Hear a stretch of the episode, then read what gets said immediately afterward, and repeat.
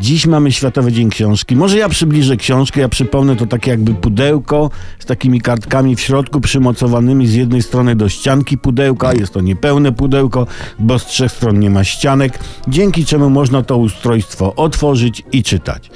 Te takie jakby robaczki na kartkach to literki i one składają się na wyrazy, które z kolei formują się w zdania. I to wszystko do kupy stanowi książkę. Książki dzielą się na te w miękkich i te w twardych okładkach. Te w miękkich są do czytania, te w twardych do przyciskania klejonych powierzchni, jeśli tak mówi instrukcja obsługi kleju. Dana książka w twardej okładce może mieć identyczną treść co książka w miękkiej okładce.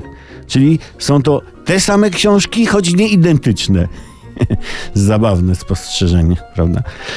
Odzywają się narzekania, że Polacy nie czytają książek, a jeśli już, to takie poradniki typu jak przejść na dietę, jak poradzić sobie ze stresem związanym z dietą, jak porzucić dietę bez stresu i takie tam.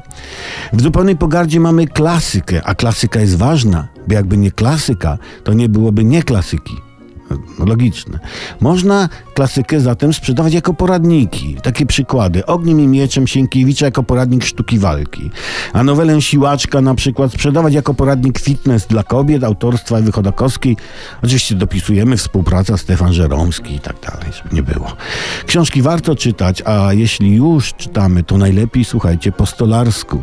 Od deski do deski.